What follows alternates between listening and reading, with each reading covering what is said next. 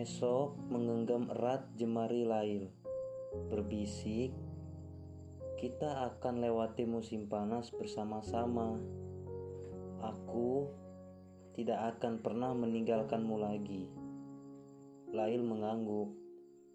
Wajahnya terlihat sangat bahagia. Kutipan yang dibaca Maryam benar. Bukan seberapa lama umat manusia bisa bertahan hidup sebagai ukuran kebahagiaan, tapi seberapa besar kemampuan mereka memeluk erat-erat semua hal yang menyakitkan yang mereka alami.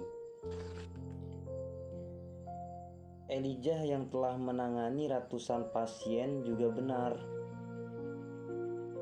Bukan melupakan yang jadi masalahnya, tapi menerima. Barang siapa yang bisa menerima, maka dia akan bisa melupakan hidup bahagia.